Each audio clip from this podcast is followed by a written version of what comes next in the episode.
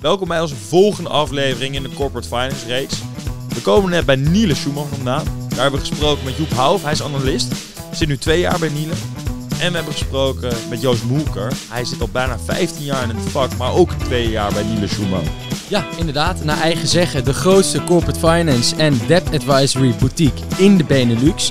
Ben jij nou benieuwd wat M&A advisory, debt advisory en capital restructuring allemaal precies inhouden? Dat wordt helder uitgelegd in deze aflevering. En verder waren ze eigenlijk ook heel openhartig over hoe het nou is om bij Niele te werken en hoe zo'n dag er dan uitziet en wat je dan eigenlijk aan skills opbouwt. Dus klinkt jou dat als muziek in de oren? Blijf dan vooral luisteren. Aan Floris, we zijn te gast bij Niele Schumann, Randje Amsterdam. Randje Amstelveen, voor degenen die het kennen, naast het Amsterdamse Bos. We zijn net bij eh, café 1880 geweest. Daar, daar gaat het al fout. 1890. 1890. Daar ga ik al eh, fout. Hier toch te veel biertjes op. Ja. Eh, lekker Klasse. burgertje gegeten. En ehm, we gaan nu eens even horen wat jullie allemaal te vertellen hebben over Niele. Want wij zagen het al op de site. Het is de grootste corporate finance adviseur van de Benelux. Vertel Joost, hoe wordt dat gemeten eigenlijk? Ja, dat is, dan stel je gelijk een hele goede vraag. Ik denk als je kijkt naar wat wij eh, mooi vinden, waar we trots op zijn, is dat wij echt een impact maken op zowel debt advisory als M&A gebied. Ik denk zeker op debt advisory zijn we, nou, laten we zeggen, wereldberoemd in, in Nederland. Ja. Ehm, zeer groot, groot, het groot transactievolume. En op M&A doen wij ook ehm, zeer serieus mee. Nou ja, dat proberen we in de bindmarket te doen. Dus ja, een beetje beginnend vanaf 7500 miljoen EV tot 500 miljoen EV. Nou ja, dat gezegd hebbende, schieten we daar wel eens onder. Zeker, gaan we er overheen, ook absoluut. Maar Ja. hè, we hebben een flink team in Amsterdam en Antwerpen. Ja, 40 man, 50 man hier zitten volgens mij. Ja, eh 35 man denk ik hier. En dan nog een mannetje of eh 5, 6 in eh, Antwerpen. En nog een paar stagiairs. Daar gaan we het eh, zo meteen nog over hebben. Joep, jij bent begonnen hier volgens mij als stagiair, of niet? Een 2,5 jaar geleden eh, Zo. kwam ik hier als een broekje binnen. Maar je doet nu al voorlopig even een tijdje mee. Nou ja, ik ben toen even goed onder handen genomen. Ja. En eh, drie maanden later begonnen ze, werd ik gevraagd of ik hier wil blijven. En nog steeds ben ik hier. En met En, nu, succes. en met succes. En nu mag ik, sterker nog, ik mag een podcast met jullie opnemen. Ja, dat is ook wel fijn, hè? En nou ja, dat betekent dat ze toch wel eh, een goede delegatie sturen. Heel goed. En waarom eh, ben je gebleven? Want Joost zegt het al. nou, in ieder geval M&A-adviseur. Dus jullie adviseren bij overnames, fusies. Ehm treden jullie op voor aankoop, verkomende, verkomende partij.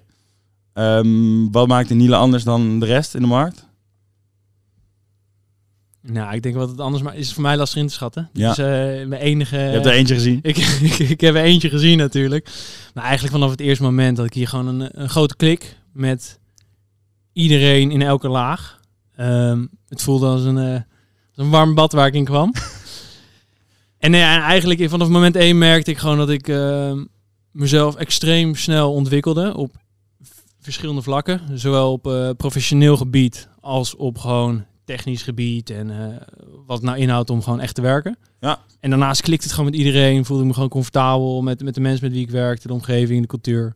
Ja. En dat eh, heeft zich eigenlijk de afgelopen twee jaar voortgezet. Ja, want dan moeten we eigenlijk misschien heel even uitzoomen op, eh, op eigenlijk misschien de, de industrie daarin. Dus Joost, je zei net al, M&A advisory, daarnaast ook eh, vooral een heel groot stuk debt.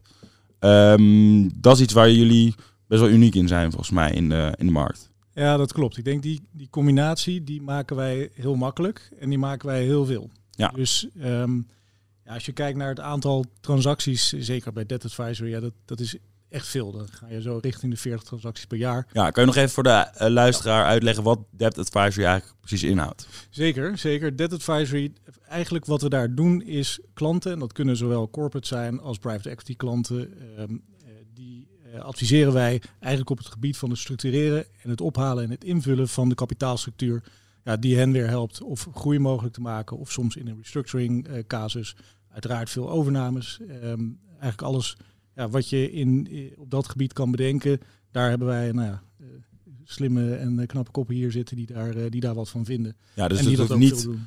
Het hoeft niet per se te zijn op het moment van overname of op het moment van kapitaal ophalen. Dat kan ook gewoon op een bepaald moment in het bedrijfsleven zijn. Ja hoor, natuurlijk. Kijk, bij overnames is dat vaak logisch. Zeker natuurlijk als het private equity betreft. Hè. Dan zit je toch vaak met een stuk, stuk leverage daarop. Maar eh, eigenlijk is het in elke fase van het, eigenlijk de, het leven van een bedrijf... eh, willen wij er kunnen zijn om ze te adviseren op belangrijke momenten. Hè. Dat kan inderdaad zijn een nieuwe kapitaalstructuur of een herfinanciering of een dividend recap. Maar dat kan ook een verkoop zijn. Of aan de andere kant daarvan een klant uh, helpen met, met de aankoop van een bedrijf. En, en zijn die rollen eigenlijk ook zo verdeeld? Is het zo dat een gedeelte binnen kantoor zich eigenlijk alleen maar bezighoudt met die debt advisory en een gedeelte met M&A? Of doen jullie allemaal alles? Um, dat is een beetje verdeeld. Als je kijkt naar de onderkant, om het zo te zeggen, dus eigenlijk de junior niveaus, daarvan vinden we het heel belangrijk dat we die breed op kunnen leiden. Dus ook heel breed uh, eigenlijk toegang geven tot uh, transacties en, uh, en verschillende type adviestrajecten. Um, aan de, de wat meer senior kant maken we wel die splitsing. Want hè, wat je toch ziet, het is vaak hoogcomplex werk, zowel hè, aan de kant als ook aan de debt advisory kant. Ja, dan moet je op een gegeven moment wel echt gaan, gaan specialiseren. Maar ik denk voor, ja, misschien Joep, dat kan jij misschien beamen, maar aan, aan de junior kant is het, denken we, juist heel waardevol om, uh, om beide kanten te kunnen zien en ook daarop te kunnen werken. Joep, word je breed ingezet? Ik word breed ingezet. Ja. Nee, en wat hier ook heel mooi aan is, er zit ook qua opleiding veel parallellen tussen een M&A traject en een, en een debt traject. En het feit dat er zoveel debt projecten zijn, betekent ook dat je gewoon heel veel heel snel ziet je, jezelf extreem ontwikkelt. Wat je, en die skills kan je ook weer inzetten op een, op een M&A traject bijvoorbeeld. Ja, want je, je zegt het al, ontwikkelen. Ehm, als je dan aankomt en dan ga je eerst stage lopen, eh, kan je ook meteen beginnen zonder een stage te hebben gelopen eigenlijk? Kan, maar dat is... Uh, Komt wat minder vaak voor. Nee, ik bedoel. Misschien wat meer senior. Uh, senior, denk ik. Ja. Dat, dan, ja, dan ga je, kom je niet met een stage binnen. Nee, nee, nee dat is, ik denk dat Joost tegenover mij geen, alle geen Nee, maar als ik nu naar uh, die jongens en meisjes om me heen kijk. 90% is wel via een stage binnengekomen. Oké, okay, en dus- die uh, stage, dat is drie, vier maanden? Precies. Oké, en, en als je dan je stage goed hebt afgerond, dan krijg je het aanbod om te blijven? goed genoeg. Als je hem goed genoeg hebt afgerond, krijg je het aanbod om te blijven. En als, uh, als men er gewoon overtuigd is en denkt van, joh, we hebben een goede klik. Die kan zich hier goed, goed vinden, goed mengen, goed ontwikkelen. Om even daarop terug te komen. Dan, dan vragen ze uiteindelijk of je, of je wil blijven. Dat is bij mij gegaan. En, en, en, hebben we het dan over een maximum aantal plekken uh, per jaar? Misschien even naar Joost nou, kijken. Dat verschilt heel erg eigenlijk per jaar. Oké, en die, die aantal plekken per jaar die dan nodig zijn, daar zijn jullie natuurlijk wel op zoek naar een bepaald type persoon uh, die, dat, die dat werk goed kan, die dat leuk vindt. Zijn er nou bepaalde vereisten die je moet hebben als student? Uh, dan heb ik het over een bepaald cijfergemiddelde of een studieachtergrond die nodig zijn om überhaupt te kunnen solliciteren? Ik denk dat wij daar redelijk flexibel in zijn. Um, natuurlijk verwachten wij een, een, een minimaal niveau. Uh, qua logisch nadenken en qua corporate finance skills. Maar uiteindelijk, uh, als je wordt uitgenodigd hier op gesprek, dan uh, moet je ons gewoon wegblazen. en dan maakt het ons niet uit of je een 6 of een 9 had. Oké. Okay. Uh, ja, dat is wel, wel een goed punt wat je, wat je nu noemt. We vinden het ook wel belangrijk om wel enige, nou ja, zeg maar, gemeleerd gezelschap ook qua achtergrond hier, hier te hebben. Uh, ja, helpt het als je natuurlijk alleen maar goede cijfers hebt gehaald en, uh, en je goed voor hebt bereid? Natuurlijk, maar uiteindelijk stappen wij ook wel in op gewoon persoonlijkheden. Weet je, past het erbij. We vinden onszelf ja, best ondernemend. Uh, dus nou ja, dan helpt het als je zelf naar ons toe komt stappen om te kijken of je hier een, intern, of een internship kunt, kunt krijgen. Hè. Als jij een goede brief erbij schrijft en als je inderdaad oprecht en echt overkomt in gesprek. Dat vinden we dan belangrijker dan nou ja, een, een 8,2 gemiddeld. Ja, en wat kunnen, kunnen mensen die hier in ieder geval stage lopen, misschien daarna komen werken, verwachten? Dus kunnen jullie ons meenemen in een bepaald M&A-traject. We weten natuurlijk eigenlijk, volgens mij het begin, is dat een verkopende partij zich meldt. En dat jullie eigenlijk gaan pitchen om deze opdracht binnen te halen. Hebben jullie een voorbeeld van een, uh, ja, een deal waar jullie uh, hebben geadviseerd wat echt spreekt voor Nielen?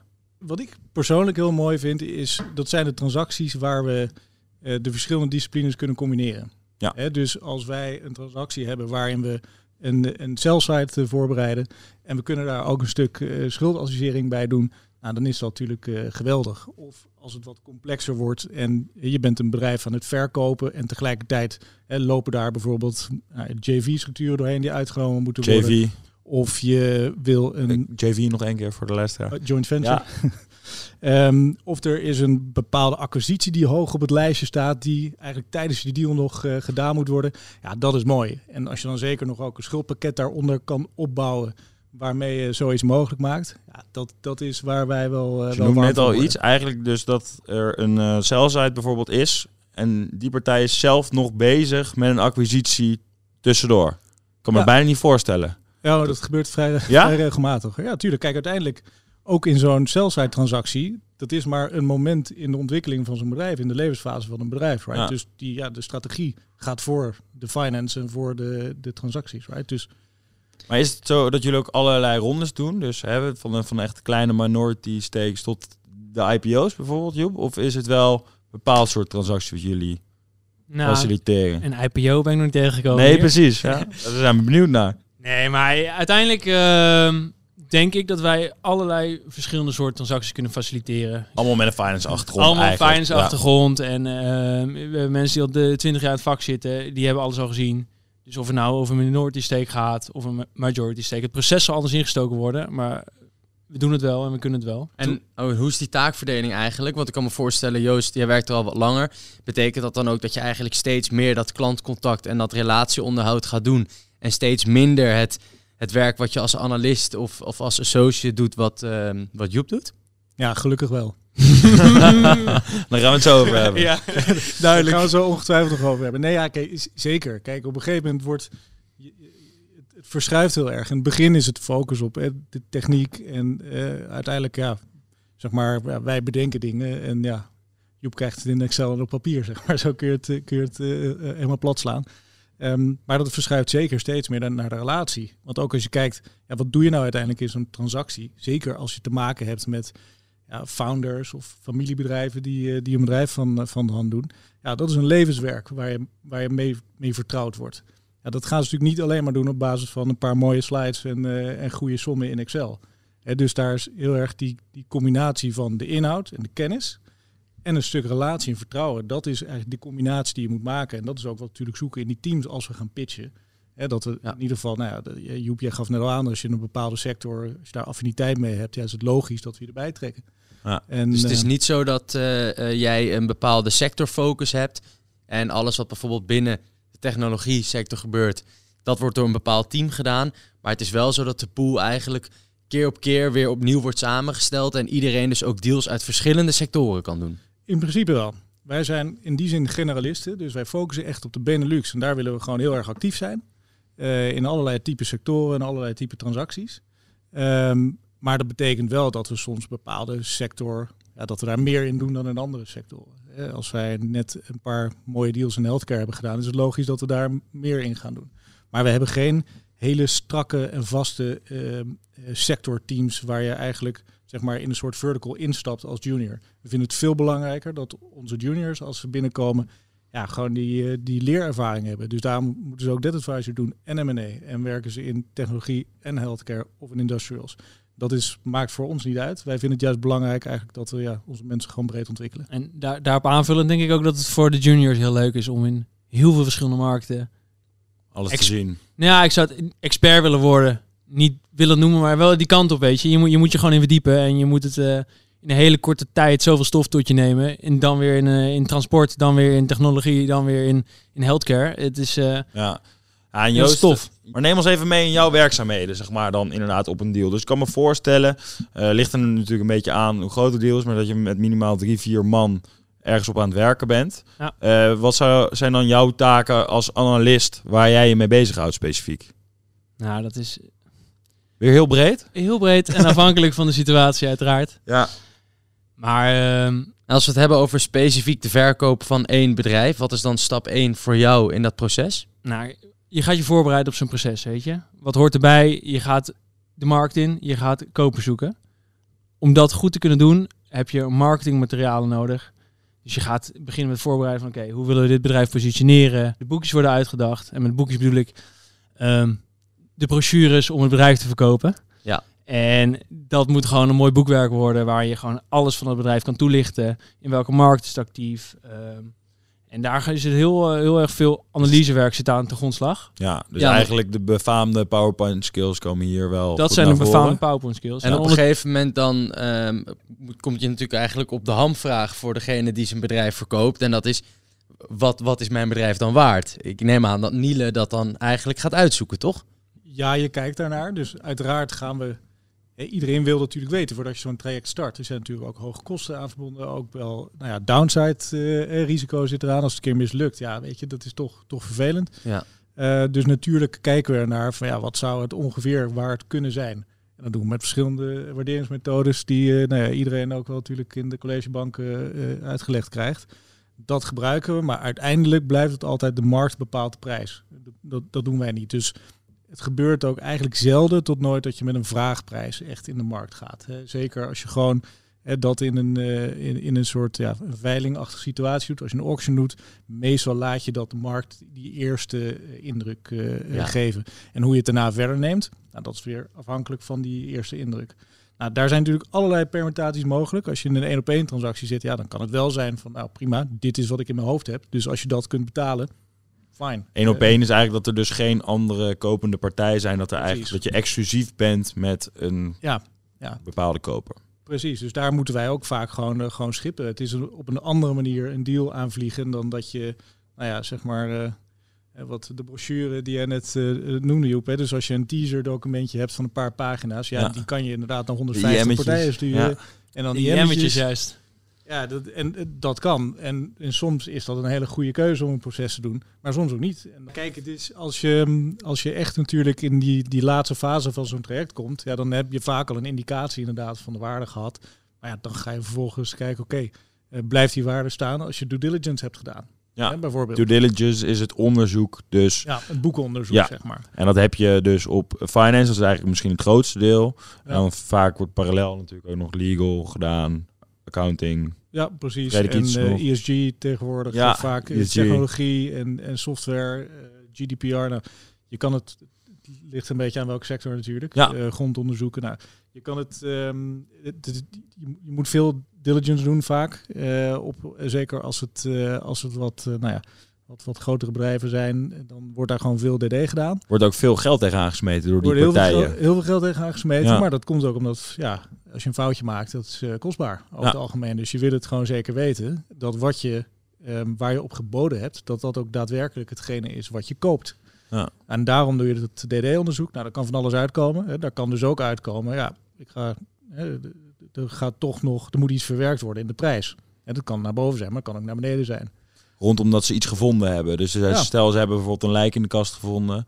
eh, rondom dat eh, de, nou, zegt de CEO eigenlijk meteen wil vertrekken nadat hij het verkocht heeft. Nou ja, bijvoorbeeld, kijk, als je bedrijf verkoopt hè, als adviseur en er komt zo'n lijk uit de kast, dan eh, heb je misschien je werk niet helemaal goed gedaan. Maar Maar ze vinden natuurlijk altijd wel wat. Of in ieder geval, Nee, die, tuurlijk, die tuurlijk. onderhandeling die zal op die punten zijn. natuurlijk, vaak zit het om current trading, wat net even wel of niet goed valt. Of eh, ja, andersom is natuurlijk ook. Current ja, trading, als- zeg maar de, de cijfers die in het proces ga- gaande Ja. zijn eigenlijk. En want, eh, nou ja, als, als, eh, als Joep zo'n mooie maakt, er staan allemaal cijfers in, die, nou, die gaan een bepaalde kant op. En dan moeten de, de, ja, de cijfers in de tussentijd, tijdens zo'n proces, die moeten dat natuurlijk wel blijven supporten. Ja, dus de forecast Ja. die je maakt voor het jaar waarin ja. het eh, inloopt, die En- schat je al iets te hoog. Was dat niet heel lastig met, met corona? Ehm, dat je eh, de, de kwartalen die daarvoor kwamen eh, een bepaalde verwachting had. Maar ja, dan opeens verandert er een heleboel.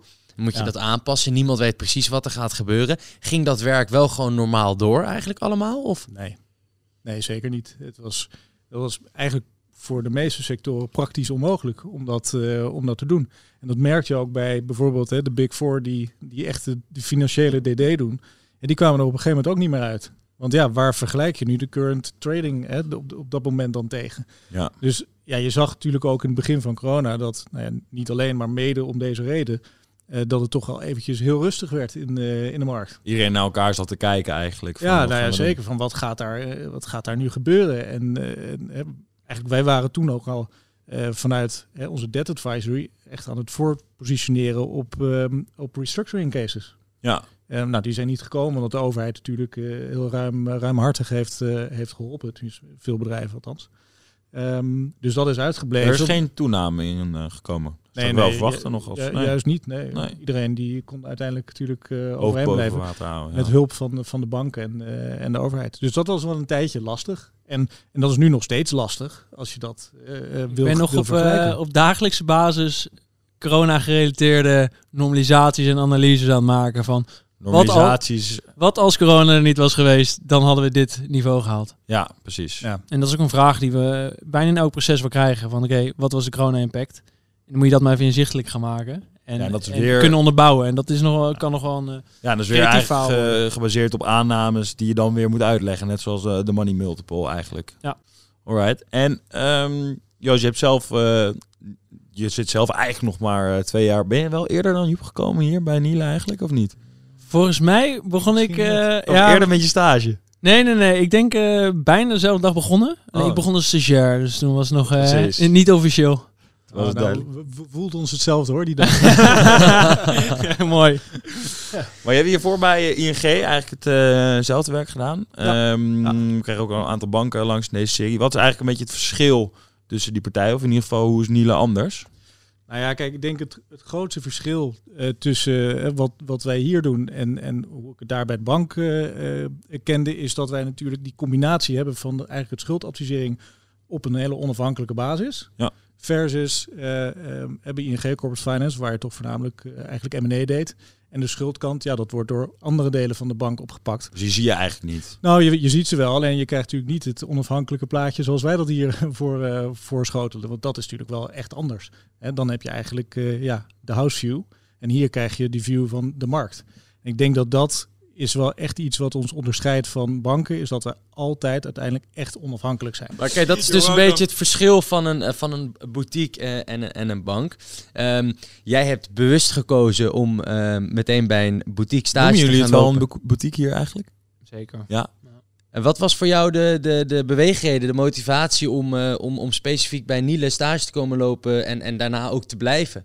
Er zijn eigenlijk twee verschillende redenen. Ehm, de reden om hier te komen was gewoon eh, kleinschalig, voelde wat comfortabeler, denk ik. Eh, Meer verantwoordelijkheid misschien? dat is mij verteld inderdaad, dat je dicht op de actie zit en dat eh, bleek ook zo te zijn. Oké. En dat is misschien ook misschien de reden dat ik, dat ik hier ben gebleven. Ik werd meteen overal betrokken. je ziet wat gebeurt. Ehm, ja, je zit er bovenop. Ja, En je zit er bovenop, je wordt misschien ook wel een beetje in het diepe gegooid. Is het dan wel zo dat je misschien eh, ook coaches of begeleiders hebt of trainingen om je eigenlijk door die hele onboarding heen te helpen? Nou, eh, je slaat de spijker op zijn kop. We hebben ze allemaal. Oké. en hoe werkt dat eigenlijk, zo'n zo'n coach? Nou ja, je hebt inderdaad een coach bij wie je altijd je vragen kan stellen. Maar hoe het in praktijk gaat, je kan bij iedereen je vragen stellen. Vaak zie je gewoon eh, dat je als beginanalist bij een project wordt betrokken. En binnen dat project ehm, kan jij gewoon je vragen kwijt. En als jij ergens niet uitkomt, dan iedereen heeft er baat bij dat jij weet hoe het werkt. Ja. Dus als je even bij iemand aanklopt van, joh, kan je me helpen met deze analyse? Of weet je ook dit model moet insteken? Of En andersom mag je ook waarschijnlijk je mening geven. ja, Misschien dat Joost dat dan niet altijd waardeert, maar dat is wel... Nou, het is Ah, eh, meestal wel, Joep. gelukkig. nee, je mag altijd je mening geven. De, de vraag is, doe je het al? Weet je, daar moet je ook in groeien. Ik, ik, eh, twee jaar geleden vond ik het nog wat moeilijker dan, dan nu. Ja. Omdat ik gewoon, eh, dan ben je een groentje. eh, je begint net. eh, je hebt het gevoel van, wat moeten ze met mijn mening? Ja. En daar kijk ik nu wel anders naartoe. Weet je? Ja, en toch die- moet je dat ook gewoon doen. Ook als je net binnenkomt. Juist hier vind ik dat je die ruimte ook eh, krijgt en moet, moet nemen. Ja. Ja. als dat niet, misschien niet altijd eh, de spijker op zijn kop is. Of eh, niet, niet altijd Nee, zelf ook ik- weer van. We leren ook Ik- weer van, ik- vond het in- die vlammer ik- wel, maar... je, ik ja. vond het in het begin wel moeilijk. En, eh, maar daar ontwikkel je in. En daar heb ik ook de ruimte voor gekregen om enorm in te ontwikkelen. Ja, oké. En het is... eh, corporate finance staat natuurlijk wel een beetje bekend als de wereld waarin er heel hard en, en tot heel laat gewerkt wordt. Ehm, We zitten hier ook nu s'avonds, we hebben lekker burgertje gegeten. sluit jij hier om 12 uur de deur of eh, valt dat eigenlijk ook nog wel weer mee? Nee, want als ik wegga, dan zitten er nog mensen. Ja, Joost waarschijnlijk niet dan, maar eh, eh, hoe, hoe, hoe- wat is, eh, laten we zeggen, wat is een gemiddelde werkweek voor jou? Nou, ja, dat is weer afhankelijk van het project waar je bij betrokken bent en waar het project in welke fase dat zit. Er zijn weken inderdaad dat je hier om 12 uur de deur dicht trekt en dat je helaas op een zaterdagmiddag nog een analyse moet afmaken. Er zijn ook we- weken dat je gewoon thuis eet en eh, Misschien nog wat kleine dingen doet, maar Precies. En het, het is super afhankelijk van, oké, waar zit je in het proces? Is er een, eh, een krappe deadline? Moet er iets uit? Moet er iets naar de klant toe? Ehm, of zitten we even wat, hebben we net een wat grote, wat grote sprong achter de rug en kunnen we even op adem komen? Joep, misschien kan ik hem beter aan jou stellen. Nu na twee jaar eh, analist zijn. waar, ja, waar kan jij nu echt goed los. ingezet worden? Los van alle technische details die je leert. Van ja, oké, je leert een model maken. je weet hoe een VLOOKUP werkt. Je weet hoe een VLOOKUP werkt. Je kan je, kan je PowerPoints uitlijnen. en eh, je kan wat moderingsmethodes toe, toepassen. Ik denk dat hetgeen dat je echt leert is gewoon heel snel kennis vergaren, tot je nemen, nieuwe informatie ehm, analyseren en conclusies uit kunnen trekken.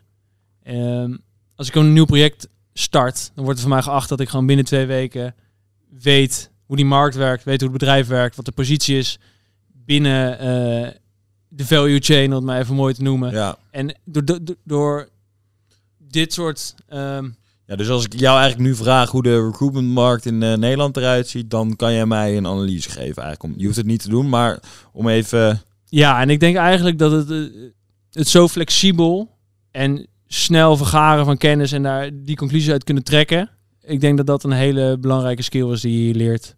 Ehm, Ja, en daar- los, los van de professional, professionalisatieslag die je natuurlijk maakt. Ik bedoel, van student zijn naar eh ja. werknemer bedoel je. Ja, dat zeker. Dat, dat- ja, en hoe, hoe- is het om te werken? Hoe ga je op de werkvloer met mensen om? Hoe ga je met klanten om? Ik bedoel, ik zit regelmatig met, eh, met een CFO aan de telefoon. En weet je, daar leer je ook heel veel van. Van hoe werken andere organisaties. Ja. En dat is wel heel tof aan het werk. Want je krijgt gewoon eh, je hebt een voet binnen de deur. En dan kijk je, kijk je in de keuken van, eh, van andere bedrijven.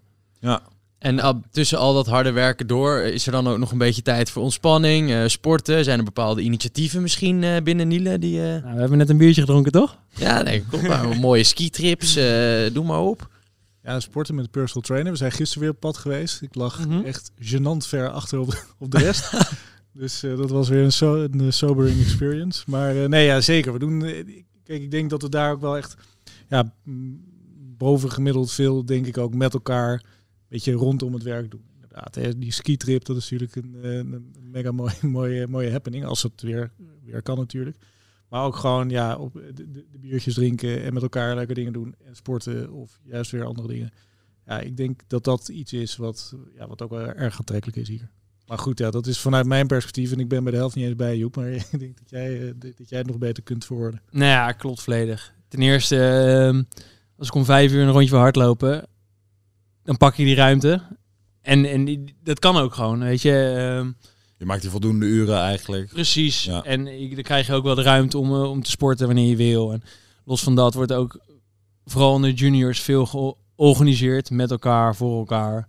Ehm, om toch ook nog wel die connectie een beetje op te bouwen. Want je zit hier wel eh, flink wat uurtjes met elkaar te knallen. En het is ook leuk eh, dat je, als je een keer kan reflecteren erop. eh, En elkaar een beetje persoonlijk ook natuurlijk leren kennen. Hè? Ja, en Ja. dat gaat toch iets anders als je bier aan het drinken bent dan, eh, Snap ik. dan als je met z'n tweetjes slides aan het maken bent. Ik wil net volgens mij nog even inhaken op de skillset die Joep ehm, eigenlijk presenteerde. Van die die nu als analist eigenlijk al meekrijgt. Eh, hoe verandert dat voor jou? Of, eh, Nou ja, wat ik, wat ik daar nog aan wilde toevoegen is, of eigenlijk inhaken, was wat Joep al zei, dat hij ook best wel veel contact heeft, bijvoorbeeld met CFO van klanten. Kijk, als je zo vroeg die exposure krijgt, echt naar die boardroom en daarin met die advisory bezig bent, en dat je echt op een dagelijkse basis met zo'n CFO en ook andere mensen daaromheen zo'n proces voorbereidt, eh, of juist in een proces zit als je een bedrijf wil kopen.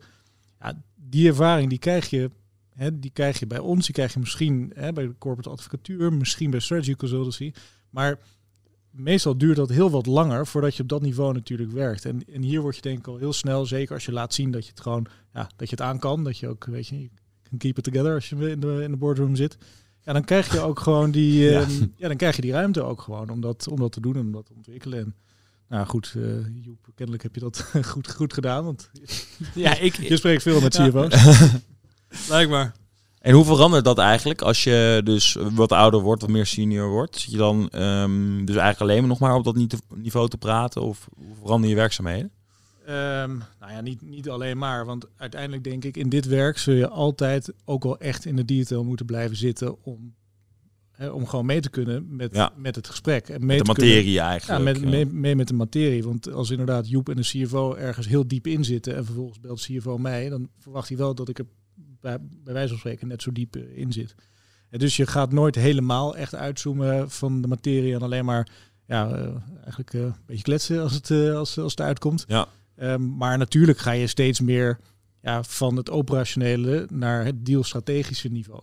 Dat je meer gaat nadenken over, oké, hoe gaan we bepaalde tactische keuzes maken in een proces? En welke partijen gaan we benaderen, wie niet? Hoe gaan we ze benaderen? Hoe houden we partijen in het proces of juist niet? Ehm, ja, dat, dat ligt dan op een gegeven moment meer op het niveau waar, eh, waar ik dan op zit. Ah, top. Ik denk dat wij een beeld hebben. Ik denk misschien nog om af te sluiten, Joep. ehm, als mensen nou na deze aflevering interesse hebben om hier stage te lopen, misschien om even te beginnen. Hoe ziet dan een sollicitatiedag hier eruit? Nou, ik denk eh, ten eerste dat het een goed idee is om eh, een mailtje naar onze HR te sturen. En uh, vervolgens word je uitgenodigd voor een gesprek. En dan eh, zou je met eh, drie verschillende mensen eh, even kort kennis maken over wat is je motivatie, wat kan je. eh, en, En goed inlezen. en goed inlezen. En dan heb ik het over de, een beetje de accounting principles die je wel moet weten. Accounting principles, ehm, wat zijn de standaard waarderingsmethodes. Ook wel handig even om te kijken waarschijnlijk welke deals Niel heeft gedaan. eh, dat je een beetje kan praten over... Dat je een beetje, een beetje mee kan praten. En eh, ja, je had het net al over multiples. Het is wel gewoon, eh, ik vind het fijn als mensen me die kunnen uitleggen. Want zelf, eh, Dat is handig. ik, ik loop er wel eens tegenaan. dat is waar. Dus als ze dat goed kunnen uitleggen, dan zijn ze hier meer dan welkom. Eh, ja, Joost, Joep, hartstikke bedankt voor het gesprek. En mocht je nou na deze aflevering denken, ja, Niels Schuurman, dat is echt wat voor mij.